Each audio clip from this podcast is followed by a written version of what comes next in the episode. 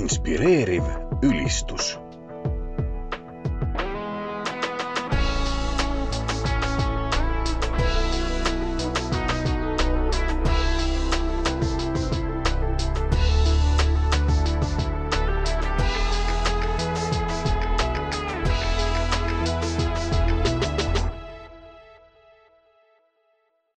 kuulates saadet Inspireeriv ülistus ning täna on see saade eriti mehine. mina olen Ragne Kivimets ja siin on külas meil Erki Tamm ja Andrus Luukas ning me räägimegi teemal mehine ülistus. tere tulemast, mehed! tere! tere! siin olen mina juba üpris mitu päeva oodanud, et me saaksime siin laua taga vestelda. nimelt olen ka paar päeva tagasi alustanud, teinud väikese küsitluse meeste seas koguduses olnud muusikud või mittemuusikud, kust iganes koguduses erinevad konfessioonid ning nad on vastanud paarile küsimusele, et mis mida nad ülistusmuusika juures hindavad mehena ja kas üldse on vahet meestel ja naistel ülistuses. ja kui me nüüd kokku võtame selle esimese küsimuse, kus ma küsisingi, kas nende meelest, meeste meelest siis, on meeste ja naiste ülistamine muusika läbi erinev siis, siis kuuskümmend protsenti vastas jah, on küll ja nelikümmend protsenti ei. Nonii kuigi need ei-d olid, osad kahtlevad, ütlesid, et nii ja naa võib ka olla ja tegelikult ka mõned jaad olid nii ja naa, eks ole. E, kui me vaatame, et siis mõni tabas väga hästi, ütles, et e, et siin, kui noh, stereotüüpideks läheks, siis vastame jah, aga kui noh, naiste seas on erandeid ja meeste seas on erandeid. kuidas teie arvates, kas meeste ja naiste ülistamine muusika läbi on erinev? no ma arvan, et siin tuleb natukene lahti mõtestada seda ülistuse konteksti ennast mis see on. ja nendes vastustes ka, kui ma lugesin, inimesed tõlgendasid, tõlgendasid seda olukorda väga erinevalt. et noh, me lähme kõik Jumala ette ja me kõik ju noh, mis vahet seal on ja, ja Kristuses ei ole meest ja naist ja aga me läheme nagu Jumala ligiollu nendena, kes meie oleme. mina olen Erki Tamm. ma olen oma tagapõhjaga ma olen oma, ka selles situatsioonis, mul eelneb sellele olukorrale midagi. kas ma tulen leinast, kas ma tulen rõõmust? ja, ja kõige sellega ma lähen nüüd ja otsin Jumalat. ja, ja selge see, et ka kas lähen mina või läheb minu abikaasa, keda ma tunnen väga hästi. me oleme väga erinevalt ka Jumala ees selles mõttes on minu meelest vahe küll mm. -hmm. Andrus? jaa, mina oma peas nagu ja tuli vist välja ka küsitlustes natukene veel omakorda kaheks nagu, nagu võib-olla siis üks on see praktiline, et kui niimoodi küsida, siis inimesed avastavad, aa tõesti, et on äh, naised, õed, kes juhivad ja on mehed, et noh, et siis hakkad nagu mõtlema seda, et mis see vahe on ja siis avastad, aa võib-olla tõesti on vahe. ja teine siis on see teoloogiline või siis see mõte, et ju tegelikult just nimelt Kristuses ei ole meest ja naist ja kõik on nagu üks. aga noh, selge see, et praktikas noh, nii nagu vastajad siin meil olid ka meesterahvad, et et vist oli põhiline asi seal see emotsionaalsus, mis toodi esile, et naiste puhul on selge see, et seda on nagu, nagu, nagu rohkem tundub, et selline ikkagi mingi vahe on nagu kui ma palusin selgitada selles küsitluses, siis minu arvates mehed tegid palju komplimente naistele. Nad ütlesid, et naised on avatumad, paremad eneseväljendajad ja tundlikumad ka, ka jah, et mis, mis ümberringi toimub ja, ja ise eneses ka teadlikumad enda tunnetest ja, ja meestel ütlesid sa, ütlesid nad, et äh, meestel läheb aega, et soojeneda ja kipuvad ennast tagasi hoidma ja, ja vaos hoidma. no tuleb nõustuda, ma olen olnud äh, aastaid, ligi kakskümmend aastat koolis õpetaja. kui sa vaatad oma klassi, see ei erine väga palju sellest, kui sa vaatad äh, noh, pastorina vaatad oma koguduse peale. ka see, kuidas reageeritakse, on ikkagi, on ikkagi erinevus kuidas seda teevad koolis poisid klassis, kuidas seda teevad mehed kirikus ja kuidas seda teevad tüdrukud või naised. me oleme loodud erinevatena ja see, siin ei ole midagi eh, juttu sellest, et üks on parem kui teine. tegelikult eh, nad täiendavad teineteist jaa, absoluutselt nõus sellega, nii et äh, võib-olla vabakogudustes me kohati võib-olla tõesti liialt palju mõõdame sellega, mis meil kõrvalnaaber teeb ja ja võib-olla tõesti naisterahvas, no eris, eriti võib-olla karismaatilistes kogudustes võib-olla kergemini tõstab käsi või või kuidagi ja võib-olla siis mõned mehed äkki kipuvad ennast nagu võrdlema ja siis nagu mõtlema, et ma peaksin ka nii tegema või ei peaks või kuidas ma peaksin käituma.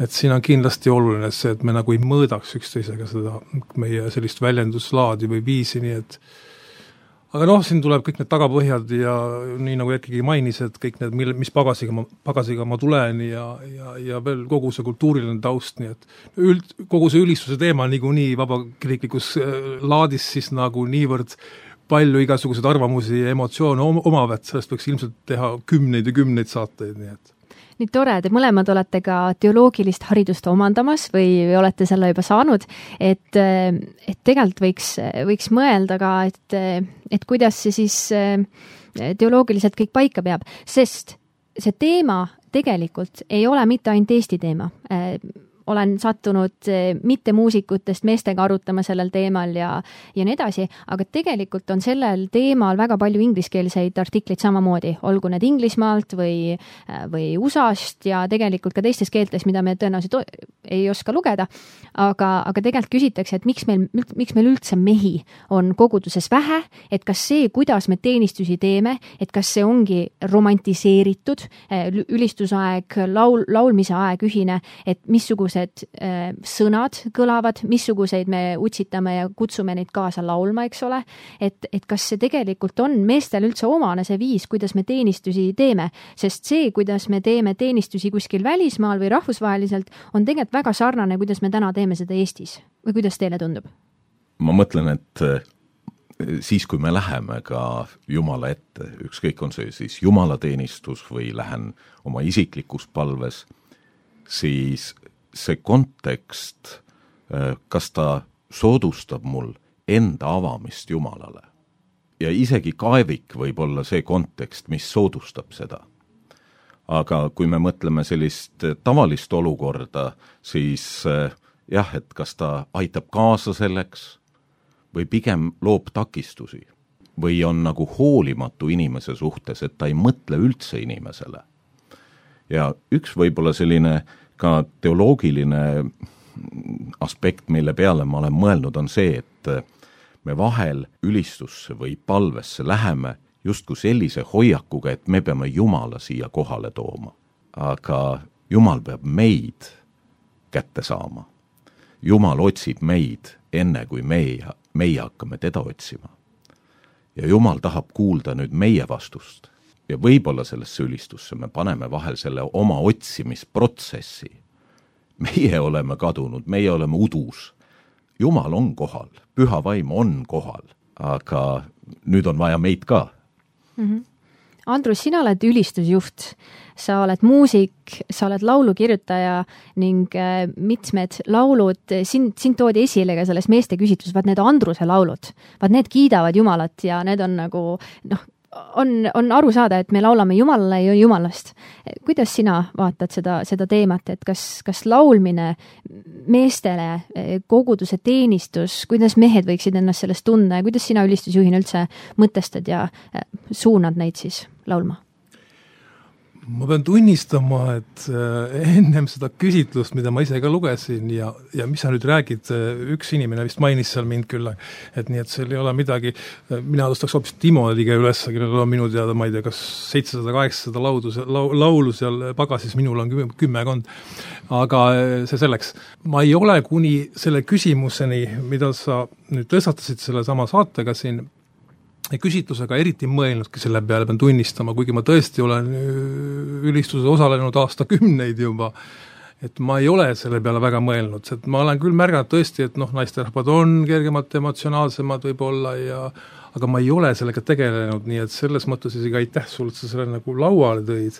Ja väga huvitav oli neid küsitlusi lugeda, et mis siis mehi no mitte häirib, aga millega nad siis nagu, millest nad neid vahesid välja tõid, kogu see emotsionaalsus, võib-olla äh, isegi kahte emotsionaalsust, mina lõin nagu omamoodi kaheksanda jaoks selle, et üks on see, et äh, võib-olla nähakse siis ülistusjuhti või või, või naisterahvaid emotsionaalsemana seal ees, aga teine on siis ka see teksti küsimus, eks ole, et tuleb siis noh, kas nüüd emotsionaalne, emotsionaalne tekst, aga noh, selline romantism ja ja, ja kogu see jumala armastus sinna sisse ja et need on nagu ka kaks sellist äh, külge, mis no see on tõesti, ütleme, mina olen nüüd ülistust teinud ühel või teisel moel alates kaheksakümne noh, seitsmendast aastast.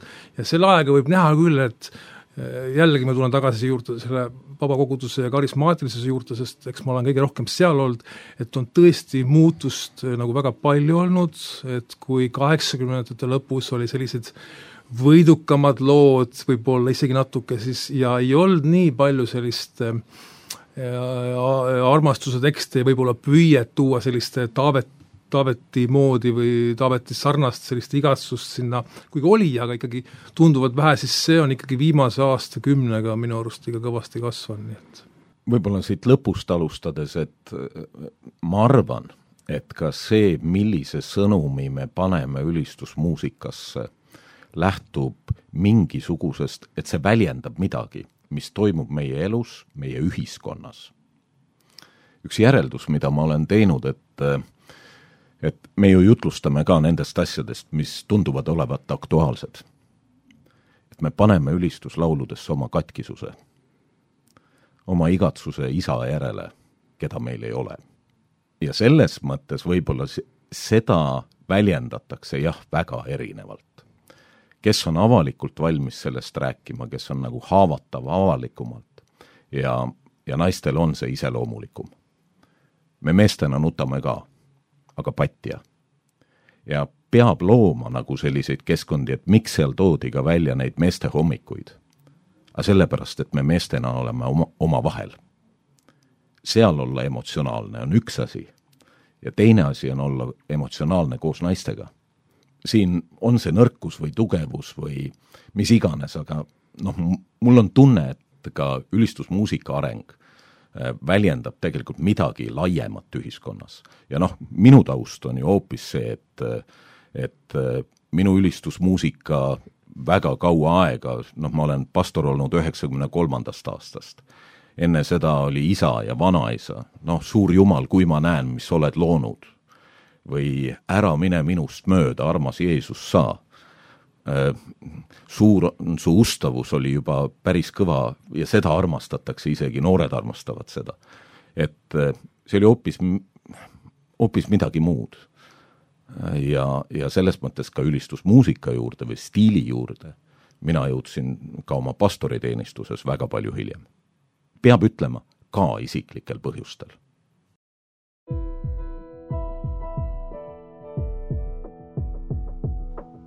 inspireeriv ülistus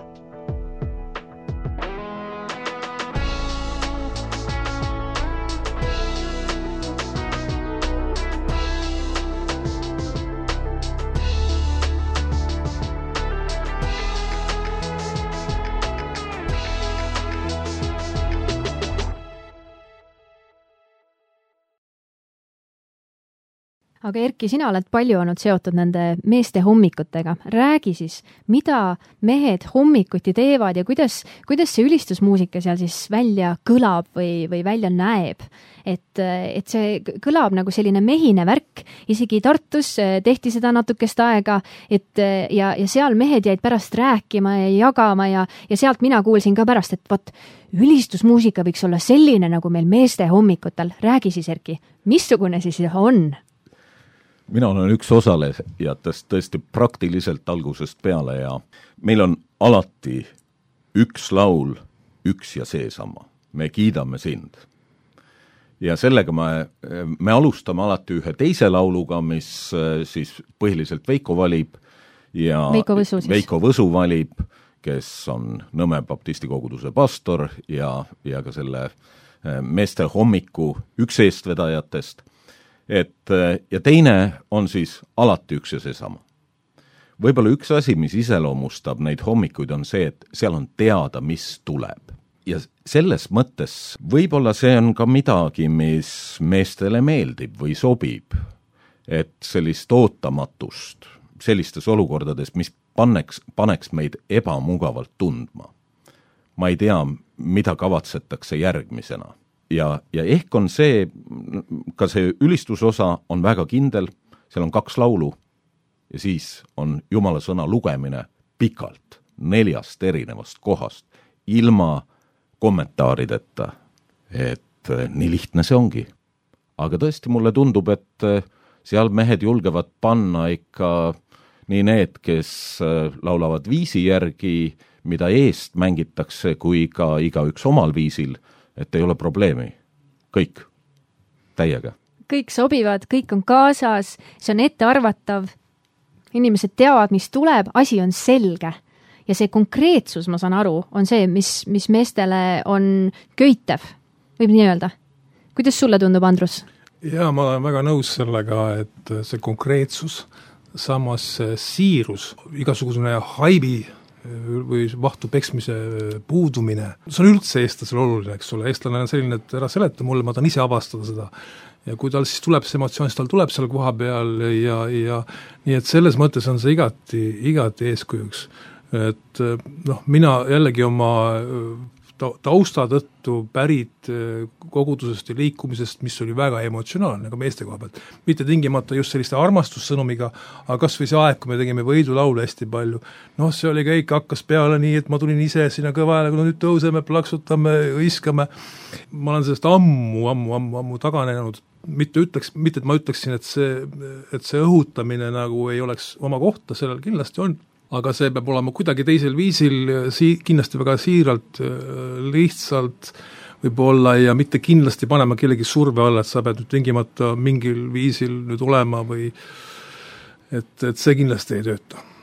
andke siis praegu üks hea selline praktika, mida ülistusjuht, olgu ta siis mees või naine, mida võiks kasutada, olgu ta vana või, vana või noor, et kui me oleme kogunemisel, vahet pole millisel, ütleme, et ol, kas oleme jumalateenistusel või oleme palvekoosolekul või olemegi ülistusõhtul, mida te soovitaksite ütelda siis ülistusjuhile, kuidas see kiire kontakt luua kogudusega ja kutsuda nad koos laulma, ülistama? mina olen nagu olnud pastori poole peal kogu selles asjas, eks ole. ja, ja samas ka üks osa nendest, kes läheb Jumala ette koos oma kogudusega. ja ma arvan, et ma olen teinud siin vigu küll ja rohkem ka. Aga, aga üks asi, mida ma usun, et nii ülistusjuht, pastor, mida Jeesus tegi, ta läks sinna, kus inimesed on et minu meelest vahel ülistusjuhid ja ka pastorid vahel võivad minna oma teed. ja nad ei vaata üldse selja taha, kas nendega tullakse kaasa või ei tulda, et kus need inimesed on. ja siis pannakse veel silmad ka kinni, et ei näeks ka, kus need inimesed on.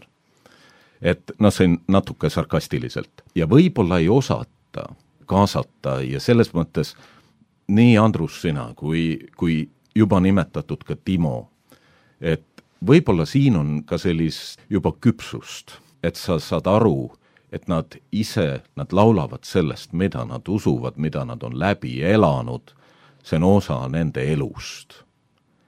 ja nendega on lihtne kaasa minna. ja võib-olla, et sa lähedki sinna, kus ma tean, kus te olete või vähemalt ma tajun, kus te olete. Lähme koos teele. Lähme koos Jumalat otsima. ja järsku me oma kadu, kadunud olemisest leiame, et ta ei olegi ühestki meist kaugel, vaid ta on siinsamas. see samastumine, mida, millest sa räägid. Andrus, eh, mis on sinu, kui Erki mainis juba, küpse ülistusjuhi praktika või, või soovitus, et eh, kuidas see esimene kontakt siis kogudusega luua sinu poolt vaadates? no vanuse poolt ma olen kindlasti küps juba um, ma pean tunnistama, et ma siiamaani õpin seda ja ma ei tunne, võib-olla mõne jaoks on see üllatus, aga ma ei tunne ennast eriti mugavalt ees. Minu häda on see ka, et ma panen silmi kinni, sest mul on, no on raske kuidagi nagu, ma vaatan siis üle inimeste või kuidagi mujal lahti see on minu selline igavene rist, millega ma võitlen, et et kuidagi olla seal nagu ka mitte nagu omas maailmas selles mõttes, et aga noh, see kontakti teema ikkagi, see esiteks noh, ei, kindlasti ei peaks üle pingi-, pingutama uute lauludega hästi palju korraga võtta ja ikka need klassikalised sellised, sellised viited ikkagi, et mis noh, nii kui Erki ütles, eks ole, et seal läbi aastate sel hommikul, meeste hommikul on üks laul seesama ja no näe, et mehed vist ei ole ära tüdinenud sellest, eks ole, et vastupidi, me vaimustume sellest, et see on hümn. no just et ta on hümn, eks ole, et noh, neid peaks kaasama selliseid, mis töötavad ja no ma käin üsna tihti siin-seal ka, no kutsutakse mind pühapäevasele teenistusele ülistust juhtima, siis sa ikkagi näed ära ikkagi, et kui on ikkagi tuntud lood, siis rahvas laulab kergemini kaasa, tuleb kergemini kaasa,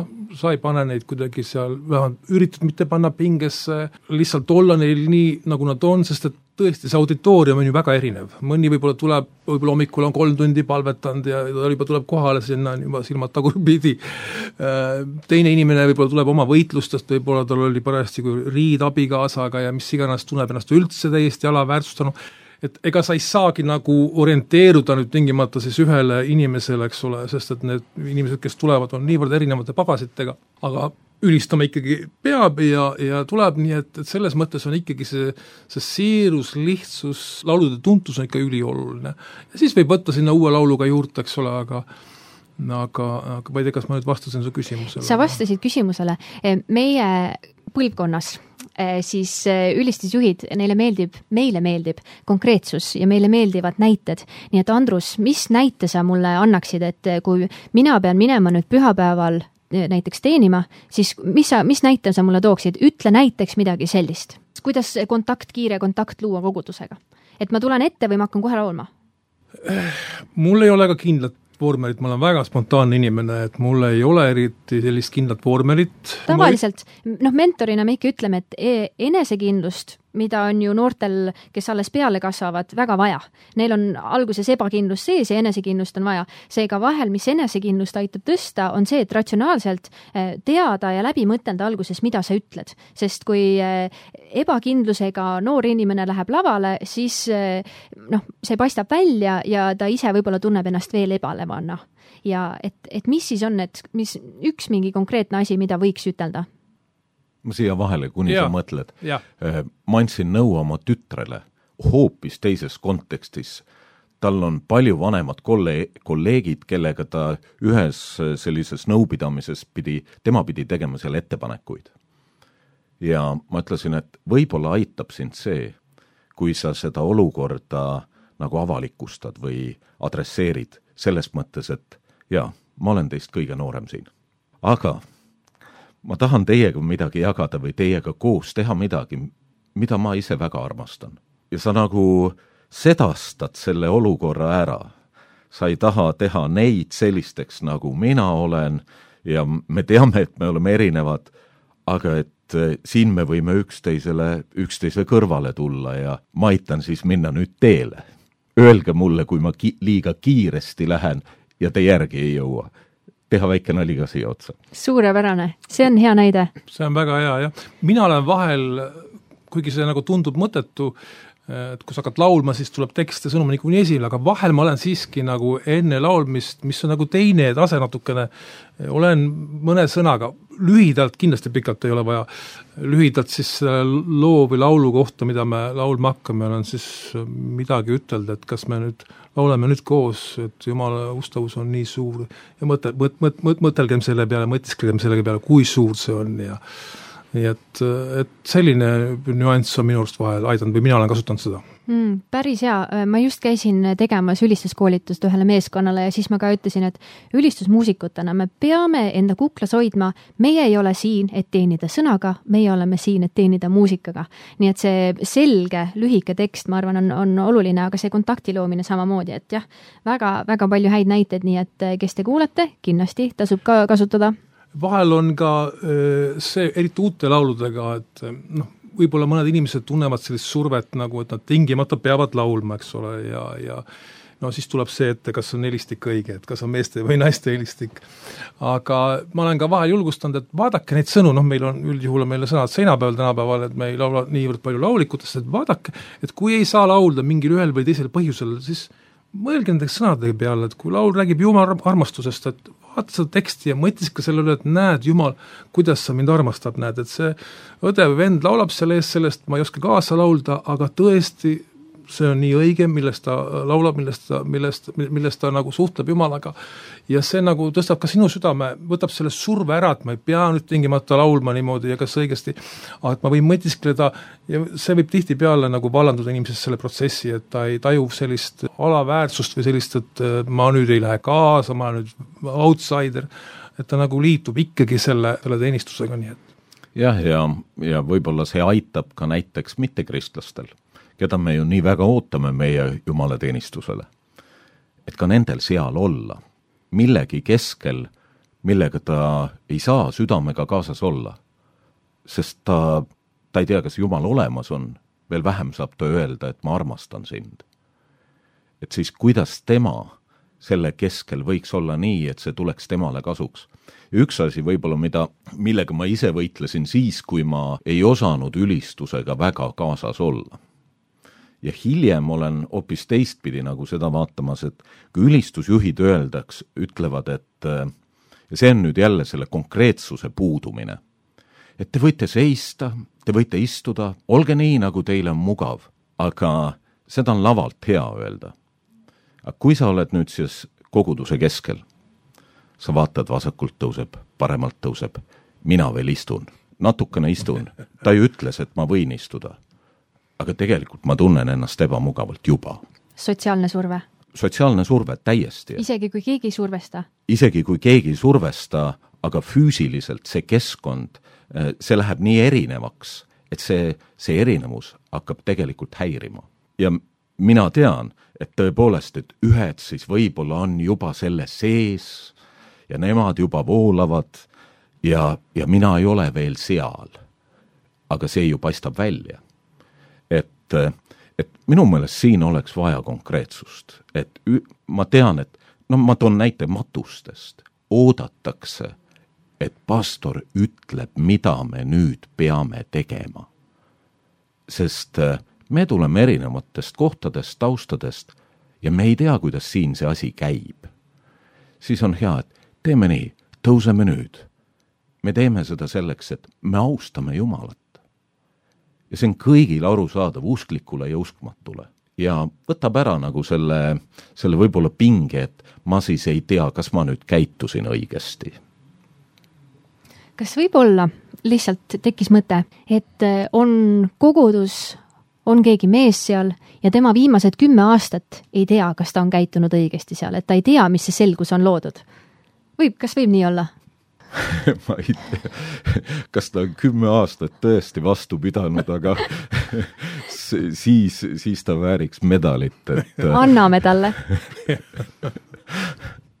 aga, aga noh, ma olen lihtsalt omal nahal tundnud seda pinget siis, kui ma ei osanud samastuda ülistusega sellisel viisil, nagu me ülistusest täna siin räägime.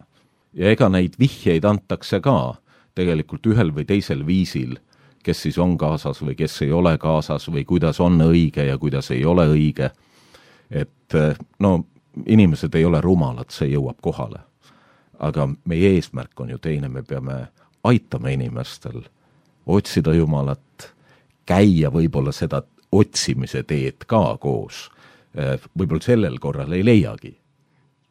see võib olla pikem tee hea magistritudengina olen ma kategoriseerinud ka mõningad vastused ja ma olen need jaganud siis kolme kategooriasse, eh, millega, mida mehed on maininud siin, et eh, mis hoiab neid koguduses ülistamast ja kaasas olemast.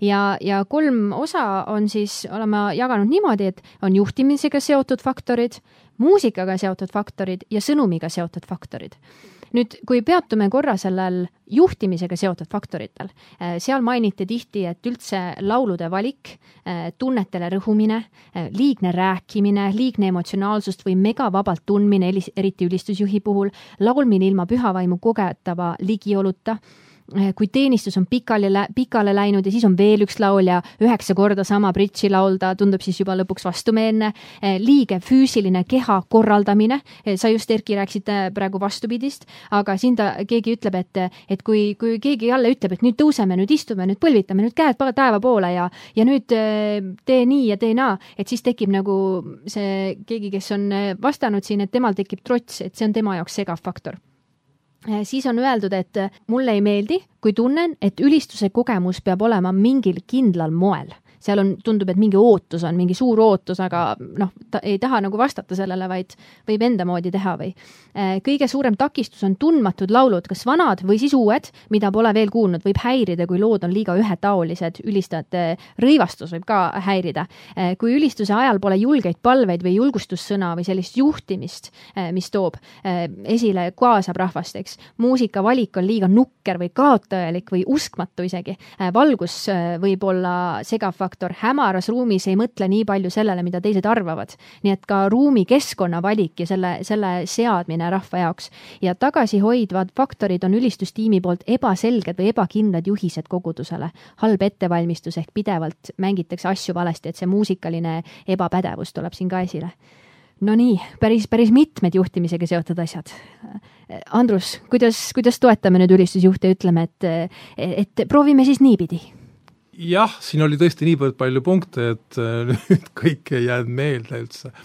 aga ma lugesin neid ise ka ja mul jäi ka väga palju silma see muusikute profes-, professionaalsus, no sellega on nii, et ega äh, siin on jällegi nii palju faktoreid, esiteks meil on muusikuid vähe, meil on alati vaja koguduses rohkem muusikuid ja võib-olla vahel ka liiga kiiresti pannakse keegi kla-, sinna pilli mängima, kui ta juba kolm tuuri on selgeks õppinud ja, ja võib-olla ta üksinda isegi teeks selle ilusti ära, aga siis koos bändiga noh, pole harjunud veel, rütm pole paigas ja, ja tulebki selline, selline mitte heas mõttes voolav oh, ma ei oska öelda, siin on nii palju konarlik, asju. konarlik võib tulla niimoodi, jah võib-olla üks asi, mida ma mõtlen, on see, et et me kõik, kes me ka koguduses erinevates rollides oleme, et me ei unustaks, et me teenime mm..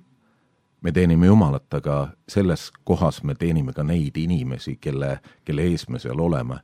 et kuidas me saaksime aidata neil teha seda, mis on selle asja eesmärk mm. -hmm. otsida Jumalat, olla Jumala ees, leida vastuseid, et me teenime neid ja siis, kui sa vaatad tema peale, et see silmade kinnipanek oli lihtsalt see, et et natukene võib-olla märk sellest, kui, kui, kui ma ei taha teada, mis toimub ja kui ma ei julge. aga et, et kui me aitame ja minu enda kogemus näiteks, ka kui ma, kui ma olin küllaltki noor pastor ja ma tundsin nagu survet enda peale, et et mul peab kogu aeg midagi olema nende jaoks, siis ühel hetkel jumal kuidagi andis selle arusaamise, et tule koos nendega minu ette. see tähendas, et ma pidin ümber pöörama nii, nagu ütleme, luteri kirikus on äh, altaris preester või õpetaja näoga altari suunas või Kristuse pildi suunas, kogudusega samas suunas. ja see võttis minult vähemalt sellel hetkel võttis pinge ära, et ma lähen koos selle kogudusega Jumala ette jah, võib-olla peaks ka, võib-olla keegi teeb seda ka, võib-olla aastas korra, kaks-kolm, ma ei tea, kas see on, nüüd on ülistusjuht, kui ta on võimekas või pastor või keegi, äkki rääkima natukene ülistusest, tegema kohe kuidagi eraldi nagu, võtma pingeid maha ja ja võib-olla natuke isegi ideoloogiliselt, samas see artikkel, mida sa jagasid Bob Kauflini oma, soovitan teistele ka ta tabab sedasama teemat, et, et kuidas mehed ja naised, me oleme kutsutud mõnes mõttes siiski ühtse jumala pruudina või, või jumala kogudusena, eks ole, ülistama ja tegelikult on Taavet see, kes psalmides väga sellise intiimse poole toob edasi. jaa, et Bob Kaufmann toobki välja selle, ta viitab sellele kolmeteistkümnendale sajandile, kus müstikud, naised eriti, tõid vist esile selle, rohkem selle, selle just nimelt selle pruudi visiooni või pruudi pildi, narratiivi ja kuju, kujundi. meie enda enda, Juhan Ungrul on laul, mida ma olen ise väga palju laulnud ja seal on nüüd, kuidas seal vormi meist endale pruut, keda ja, armastad. täpselt et.... Erkil juba lähevad nägu, nägu läks grimassile. et see on nagu, seda võiks laulda meest hommikul, eks ole, et äh, tegin nalja. et selles mõttes, et see, see on tekitanud minus endas ja ka mõnede inimestega nagu arutelu ja mõtiskluse selle üle ja ka positiivses mõttes, et noh, et mis pruut, et ma olen mees, et mis pruut ma siin olen, eks ole, või aga et kui sa teistpidi mõtled sellele tekstile, ma mõtlen juba sellele, kust see pruut tuleb mm. ja, ja kui sa lähed süvitsi, hakkad mõtlema selle peale, et tõesti, Kristus võrdles kogudust pruudiga, ta oleks võinud öelda, et te olete minu armee, minu sõjavägi, eks ole, ma tulen teile järgi, pange oma need mõõgad valmis seal kõik, eks ole, aga ta rääkis pruudist, ta rääkis kõige intiimsemast, kõige lähedasemast, kõige kaunimast, kõige ilusamast äh, pildist, mis võib üldse üks suhetes olla ja ta võrdles seda kogudusega, et kui me niimoodi mõtleme selle peale, siis, siis ma arvan, et meil ka meestena ei, ei teki sellega konflikti, et me ju saame aru, kust see alge nagu tuleb. aga jällegi, kui me sellest räägime ja mõtiskleme selle üle, siis see pilt läheb võib-olla selgemaks, võib-olla siis selline, äh, selline hirm võib-olla kaob ära. et võib-olla jah, siin äh, tõepoolest, kui sa seda niimoodi praegu ütlesid, siis äh, tekib küll konflikti iseenda sees ma ei ole kunagi pruut olnud. et äh, minu tütred on pruudid, minu naine on olnud minu pruut. ma tean, äh, kuidas ma nendesse suhestun. aga mis on võib-olla oluline siin, on see, et tegelikult ju piiblis võrreldakse võrreldamatuid Jumalat, Jumala riiki maiste piltidega. ja neid on mitmeid ja erinevaid. pruut on üks nendest ihu. Ja, ja nii edasi, nii edasi. kui mõelda, siis eks me peamegi nende erinevaid pilte tuues jutluses või ülistuses see millegipärast öeldud. Ja sellele rõhuma. Ehk siis me selgitame rahvale, et miks me laulame niimoodi.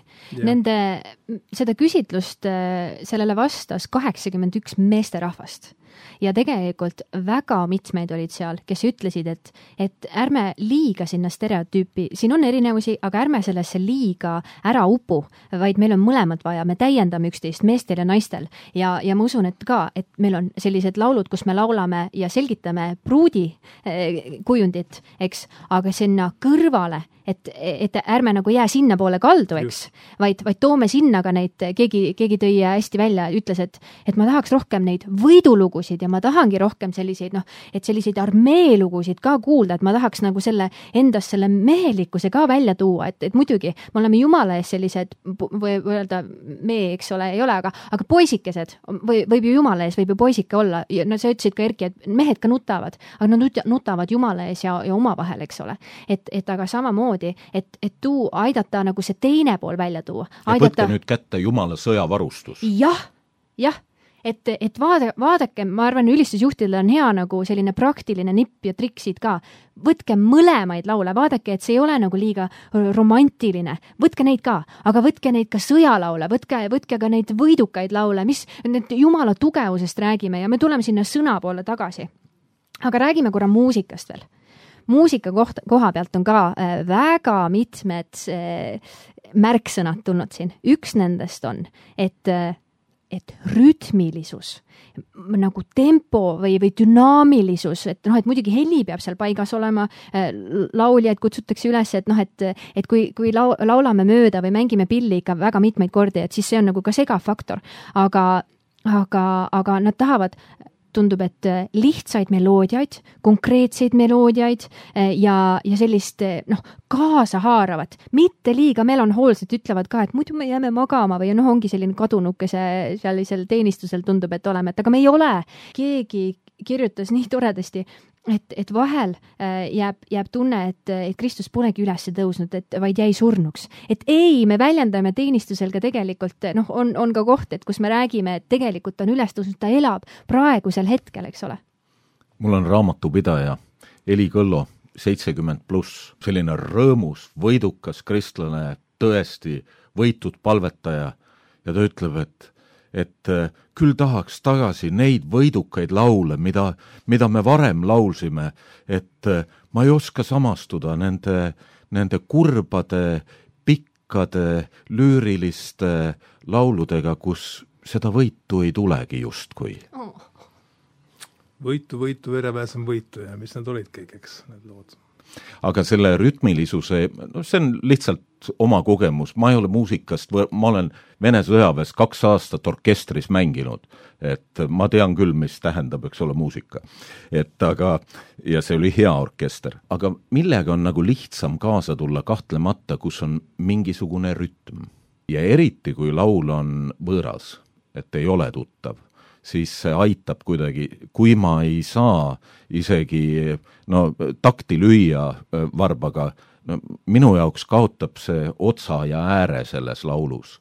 ja neid millegi, see tõenäoliselt on mingi stiil, mis praegu on ka päris palju käibel, selliseid laule on suhteliselt palju ja nendega on keeruline nagu kõrvalt sissetulijana kaasa minna jaa, jaa, nõus sellega väga. muusika osas noh, jah, noh, siin on nii palju nüansse, mida võiks ju arutada ja no mina pole tegelikult ka üldsegi professionaalne muusik, kui ma olen, teen muusikutega koos, siis hea meelega panen veel pilli ära kah ja, ja lasen ikkagi nendele, kes oskavad hästi mängida, et et need, kes ikkagi hästi mängivad või less is better, eks ole, et, et vähem on parem ja, ja see on alati hea ja ja selles mõttes küll, et kui meil on bänd, kes teeb muusikat, et pigem ja kui ei ole professionaalsed muusikud, siis võimalikult lihtsaks ikkagi asi teha. ülistus ei ole ju selles mõttes esitlus, kus me tuleme vaatama mingeid äh, imelisi harmooniaid tingimata alati kuulama, vaid peaasi, et ta oleks tõesti puhas selles mõttes, et oleks ära mängitud, kokku töötaks, et selle, selle kallal tasub küll vaeva näha. et, et siin võiksid küll ülistusgrupid jah, palju koostööd teha, nii et või noh, omavahel sees tööd teha.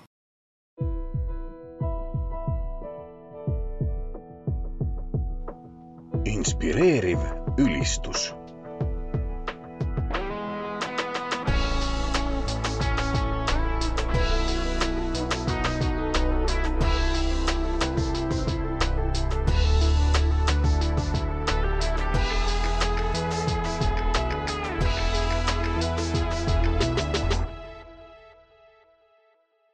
teenime rahvast nõnda, et rahval oleks selge laulda, nad teavad, mida, mida neilt nüüd oodatakse, eks ole. see on see, mis siit on ka läbi, läbi käinud. Eh, enda poolt ülistusjuhina võin ma ütelda, et kui ma tulin väljamaalt tagasi eh, ja Eestis, mis ma panin tähele, on, on see, et eh, muusika võib dünaamilisus võib äh, puududa sealt. et me alustame samasuguse volüümiga, me lõpetame ja keskel on ka samasugune volüüm, et et võib-olla isegi, kui me harmooniates ei oska liikuda, siis võib-olla dünaamikas me suudame küll seda teha ja, ja mitte ainult pillid, aga lauljad, teie ka, äh, laulge kõvemini vahel, vahel laulge vae, nagu mitte aeglasemalt, aga, aga just vaiksemalt, et kogudus ka, et see, et see paneb tegelikult nendele sõnadele ka erinevat moodi rõhku. et kasutagem dünaamikat, see on meie, see on, see on meil loomuomasem et võib-olla see, seda me peame ka harjutama, aga harmooniatega on raskem, aga dünaamilisus on just see, mida mehed on ka siin välja toonud, et, et muusika peaks liikuma kuskile. et kas kasvatame või võtame maha või, aga, aga olgem dünaamilised selles ja, ja tuleme nüüd siia sõnadega seotud tagasisidele, et eh, ka jällegi eh, küsimus on endiselt veel, et mis on need ülistuses segavad faktorid olnud? laulu teoloogiline küsitavus ei saa loo sisust aru, näiteks kui noor neljateistaastane laulab raskest patukahetsuslaulu rõõmsal toonil, siis sellega on raske kaasa tulla. Äh, laulu sõnad kehvad, kohmakad või tõlgitud nagu põlve otsas, äh, sõnumi nõrkus või vähene seos Uue Testamendi teoloogiaga, kui tekst ei kõneta, kui laulu sõnad väljendavad mingit konkreetset kogemust, millega ma ise päriselt ei samastu, väsitavad laulud, mis on minakesksed olustikulaulud, neid on natuke proportsionaalselt palju. laulud, millest ei kuma läbi kiitus, kiitus ja fookus Jumala kõrgeks tõstmisele ja tunnetest ülepaisutatud sõnad. nii, mehed, kuidas siis on? missuguseid sõnu me võiksime siis kogudusena koos laulda, mehed ja naised, lapsed, noored, vanad? ma mäletan seda, et me, me otsisime Kalju koguduse kauaaegse muusikajuhi Tiiu Jürmaga ühte laulu, mida, mille peale me võime olla nagu sajaga kindlad, et sellega tuleb kogudus alati kaasa ühe leidsime ka. see on mu ainus jubeldav laul, issandat kiita päeval ja ööl.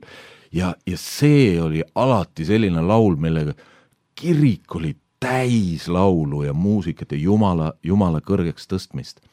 et on tõesti, nagu sa, Andrus, ütled, et on mingid ja need on äh, kõige paremas mõttes hitid.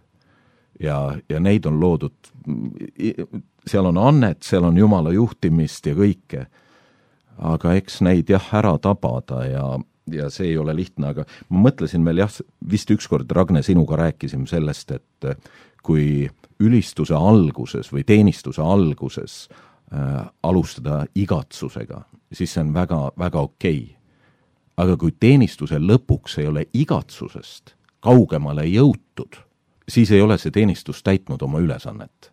vaid et sa pead ikka lõpuks võitu ka välja jõudma.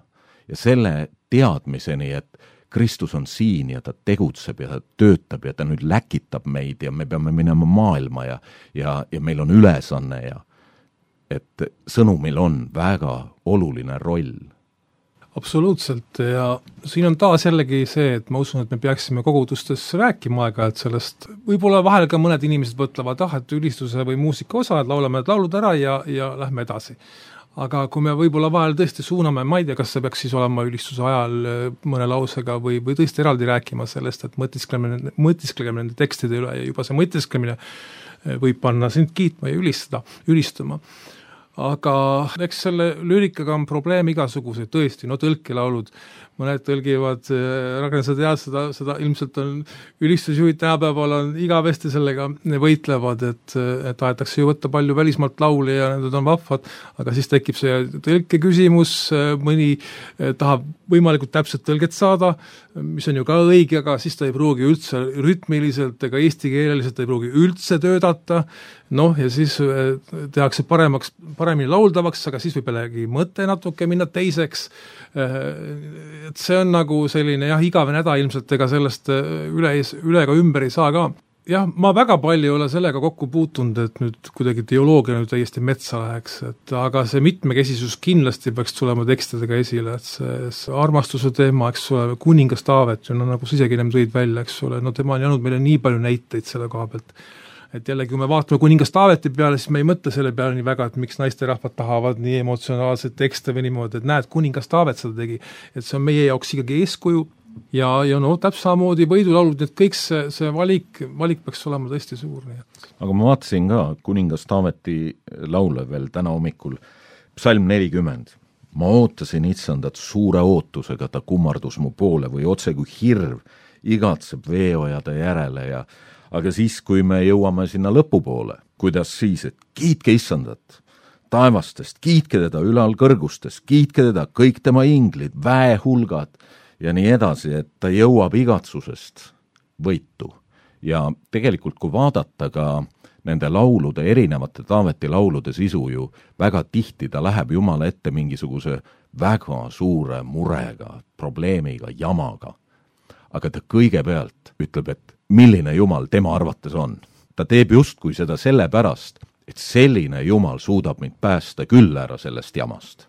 et äh, see Jumala kõrgeks tõstmine ei ole mitte, et Jumalat meie kuidagi tõstame kõrgeks, vaid et äh, me silmad seda tehes avanevad nägema, et Jumal on tõesti suur ja nõus nende Taaveti tekstidega, seal on tõesti niivõrd palju selliseid tekste või selliseid mõtteid äh, just nimelt hädas või viletsuses või kuskil raskuses olemises, et neid on, ma tean, minu teada Bono on väga palju, ka laulja Bono on selle peale tähelepanu juhtinud, et võiks olla kogu see rikkus ikkagi rohkem tänapäeva äh, ülistuses sees rohkem.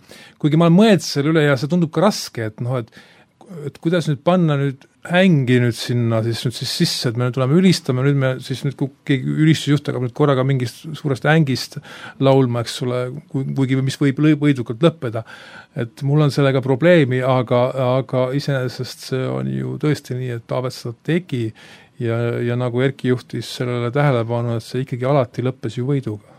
ja mulle tundub, et ka kui me rääkisime näiteks Timost, kui ma mõtlen, ta on olnud äh, minu koguduses ja ta on teinud tohutu arengu oma, oma muusiku ja ülistusjuhina ja pastorina ja aga see on omamoodi ka küpsus.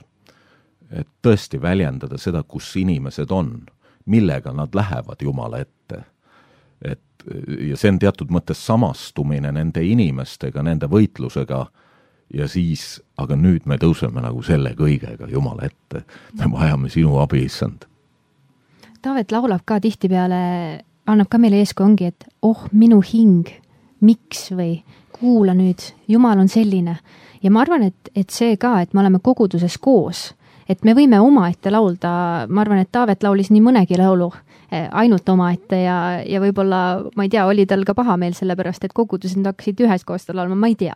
aga eh, on see, et me tunnustame üksteist, et me oleme siin koos, et me üksteisele ka meenutame, et kuulge, kogudus, Jumal on palju vägevam. tuleme, tuleme Jumala ette, küsime temalt seda võitu, lähme selles võidus, temaga koos tuleb see, et, et see nagu congregational, see koguduselik üheskoos olemise nagu laulmine tuleks ka välja, et see ei ole ainult mina olen siin ja laulan Jumalale. aga kuidas tuua ülistusjuhina ka see ette, et kuulge, nüüd üheskoos, me oleme kõik Jumala trooni all. kas saab olla paremat meelt Jumalal kui et tema lapsed on ühel meelel, üheskoos, palvetavad samu sõnu ühesuguse meelsusega. no sõna ütleb väga selgelt, et nutke nutjatega ja olge rõõmsad rõõmsatega. ma mõtlen, ka pastorina on olnud aegu, kus meie koguduses õnnetuses said surma kaks noort. mida sa nendel aegadel laulad koguduses? siis sa pead nutma nutjatega koos ja olema Jumala ees ka leinas ja valus ja igatsuses, et Jumal kas siit on veel teed välja. ja seal Jumal kohtab sind ja sa saad kinnituse, et ma olen sinuga ka surmavari orus ja ma viin sind läbi siit. et alati on lootus tõenäoliselt eh, ja ma loodan, et ongi meie saatekuulajate seas ka naisi, kes mõtlevad nüüd, milline see mehine ülistus on ja on kuulanud ning mõelnud, et oota, aga mina tahaks tegelikult täpselt samamoodi sellist tasakaalu äh, muusikas ja sõnades ja juhtimises, et äh, loomulikult äh, tegelikult seda tasakaalu me otsimegi, aga siiski oleme tähele pannud, et et mehed on võib-olla kõrvale jäänud sellest muusikast vahepeal, et ja küsimus on olnud siin, et kuidas siis võiks ülistus ka mehisem kõlada. kuidas me siis kokku võtame, Andrus ja Erki, et mis need viimased mõtted on ülistusjuhtidele, et pidagem neid meeles, kui me tahame, et mehed ka laulavad meil meeskondades, muusikabändides, aga samamoodi koguduse seast, et nende hääl kõlaks, nende ülistus jõuaks taevasse ma tean, et on ka mehi, kes kes laulavad, aga nad isegi ei teagi, et nad laulavad, selles mõttes, et äh, kuidagi see ots üles leida, et et neid julgustada seda tegema, ma olen näinud seda ja ma tean siiamaani päris mitmeid mehi, kes, kes ei taha laulda, sellepärast et nad arvavad, et nende hääl ei ole piisavalt hea ja neil pole julgust, kuidagi tuleks neid julgustada tõesti, nii et, nii et selles mõttes võib-olla peaks vaatama enda üm-, ümber, eks, võib-olla ta mängib pilli midagi, eks ole, aga noh, polegi keegi, ta pole ise kunagi ennast afišeerinud ega pakkunud, aga või, võib-olla võiks proovis või kuskil küsida, kuule, et kas sa laulad ka või? ja me läheme tagasi sinna, kus Erki alustas, et äh, isegi klassiruumis poisid äh, on näbelikumad. minule kui naisterahvale ikka öeldakse, et tunnustage mehi, tunnustage mehed, väga vajavad tunnustust. kas see on see, mis sa, mis sa ka ütled, et märka neid ja siis tunnusta neid? no tunnustamine on kindlasti kõikide inimeste jaoks väga oluline ja, ja loomulikult mehe jaoks on see, on see hea loomulikult ma korraks mõtlesin natukene isegi teise nurga pealt, et äh, minu kõige suurem eeskuju võib-olla ülistajana on minu vanaisa. üks minu jaoks üks selline Eesti mehe arheotüüp, sõjas käinud, Siberi vangilaagris olnud ja ta kunagi laulis koorides ja ta üldse laulis väga hästi ja, ja ta oli pastor äh, hiljem, aga tema palved olid ülistus. et kui ta alati, kui ta alustas palveid, suur Jumal, me tuleme nüüd sinu ette, sina, kes oled kõige looja. ja siis ma poisina nagu tema palveid kuulates või selles olles, mõtlesin, vau, milline on minu vanaisa Jumal, kelle ette ta niimoodi läheb, keda ta niimoodi austab. ja see oli niivõrd siiras, nii ehe, nii päris ja võib-olla seda on ka vaja ülistuses, et see oleks siiras, ehe, päris ja see lähtuks tõesti ka nii sellest, mis inimese sees päriselt toimub, et ta aitaks nendel, kellega ta koos seda teeb, kogudusega, aga et see lähtuks ka Jumala tahtest ja sõnast, et seal on palju rohkemat kui ainult meie tunded. Jumal tahab midagi ja et me väljendame seda siis ka oma muusikas ja laulus ja, ja, ja anname ruumi tõesti ka üksteisele sellele ka, et mehed ja naised ei ole sarnased ja kõik see ei pea ühtemoodi nagu välja paistma või tulema. Need on tõesti head mõtted, millega selline mehise ülistuse saade kokku võtta, aga see ei ole veel kõik. siin saates Mikke küsime et äh, lõpeta minu lause.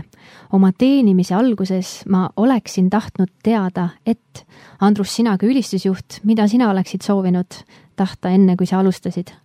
Nojah, see on nagu mission impossible selles mõttes, et äh, kogemusega tuleb see, mida ei ole võimalik tõsta sinna algusesse, sest sul ei ole seda lihtsalt veel. aga mis ei tähenda muidugi, et nüüd on lootusetu lugu, ma olen noor et mul pole kogemust, ma ei saa teha, see on, see on, see on vale. ikkagi see minu jaoks isiklikult oligi ikkagi see, et ma läksin kaasa liialt, noh, see on noorte asi üldse, et sa lähed kaasa liialt kultuuriga, võib-olla kultuurilise kontekstiga, no kas vaatasin hästi palju selliste mustade ülistust, käisin Ameerikas ise ka, sain šoki, käisin, käisin mingisuguses rokikirikus ka üheksakümnendate alguses Eestis veel oli ülistus, oli kõik noh, veel ei olnud selline kitarri juhitud või, või ülistus tunduvalt hiljem saabus Eestimaale.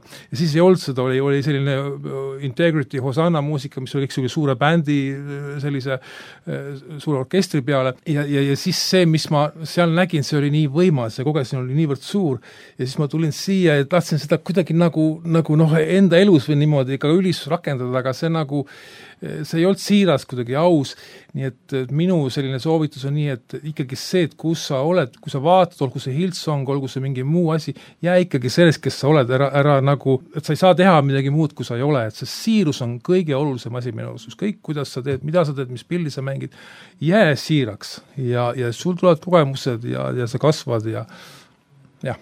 suurepärane, ma arvan, et see on hea noortel meeles pidada Erki, sina kui pastor, teenistuste kokkupanija, mida sina oleksid tahtnud teada, enne kui sa alustasid? me oleme sellest täna tegelikult väga palju rääkinud, et me peame kuulama üksteist. me peame üksteisega rääkima, olema ausad, koos otsima viisi, kuidas me kõige paremini saame teenida neid, kelle heaks, kelle keskele meid on kutsutud. ja ma arvan, et siis isegi, kui need vastused ei ole lõplikud ja nad, nad ei ole kunagi lõplikud, aga need, nendeni on koos jõutud. ja teine pool on see, et äh, ma ei oleks siin, kui mu elus ei oleks olnud väga erilisi julgustajaid, kes on näinud minus äh, asju, mida ma ise sellel hetkel ei osanud näha või enam ei näinud. selles mõttes ka kõigile ülistajatele ja ülistusjuhtidele, kes meid kuulavad ja et nendele ka julgustuseks, et te teete väga ilusat tööd ja seda on tohutult vaja. ja meie täna siin räägime ainult sellest, et me oleme koos teiega selles otsimises. ja need, need äh, ahaa-hetked, kus me oleme avastanud, oleme avastanud seda Jumala ligiolu ja, ja seda, et see üheskoos äh, juubeldamine mingil hetkel tõesti õnnestub siis nende hetkede nimel on ka mõtet läbi elada need vahepealsed ajad, kus kõik ei lähe nii hästi korda. me oleme täna siin saates rääkinud mehelikust ülistusest ja ma usun, et see on olnud alles teema algatus ja selle teema avamine ja oleks nii palju veel, mida, mida siin, siin edasi võiks mõelda ja kuhu minna sellega nii praktilise kui ka vaimuliku teenimise koha pealt. aga, aga ma loodan, et see on teile kuulajatele olnud abiks võib-olla mõni teistki esimest korda mõtleb selle teema peale, aga räägime sellest, nii nagu meie saatekülalised on ka öelnud, et kuulame üksteist ja vaatame, kas me kõik oleme kaasatud. mitte ainult mehed, aga ka, aga ka ülejäänud koguduses, kas need, kes tulevad esimest korda, kas nemad on kaasatud. mõtelgem selle peale, mõtelgem enda kutsumise peale, mis Jumal meile on andnud ja et et teeniksime Jumala vääriliselt ja nagu Erkigi ütles, et, et me oleme ju sellel teekonnal, me oleme sellel teekonnal koos, me alles õpime ja Jumal Jumalaga koos me tunnetame varsti paremini, teame praktilisi vahendeid paremini. aga loodan, et see saade oli teile julgustuseks ja mõnusaid häid kogemusi teenimises üheskoos ja ja mujal, kus te väljaspool kogudust teenite ka, nii et äh, aitäh, et olete kuulanud meil saadet Inspireeriv ülistus. tänane saate teema oli mehelik ülistus ja saatekülalisteks ülistusjuht Andrus Luukas ja pastor Erki Tamm. järgmiste kordadeni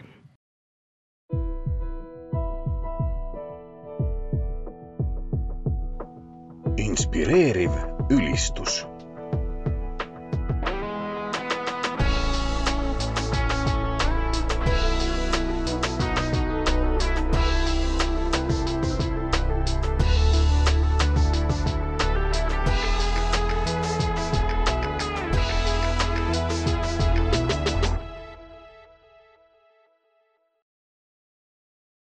pereraadio.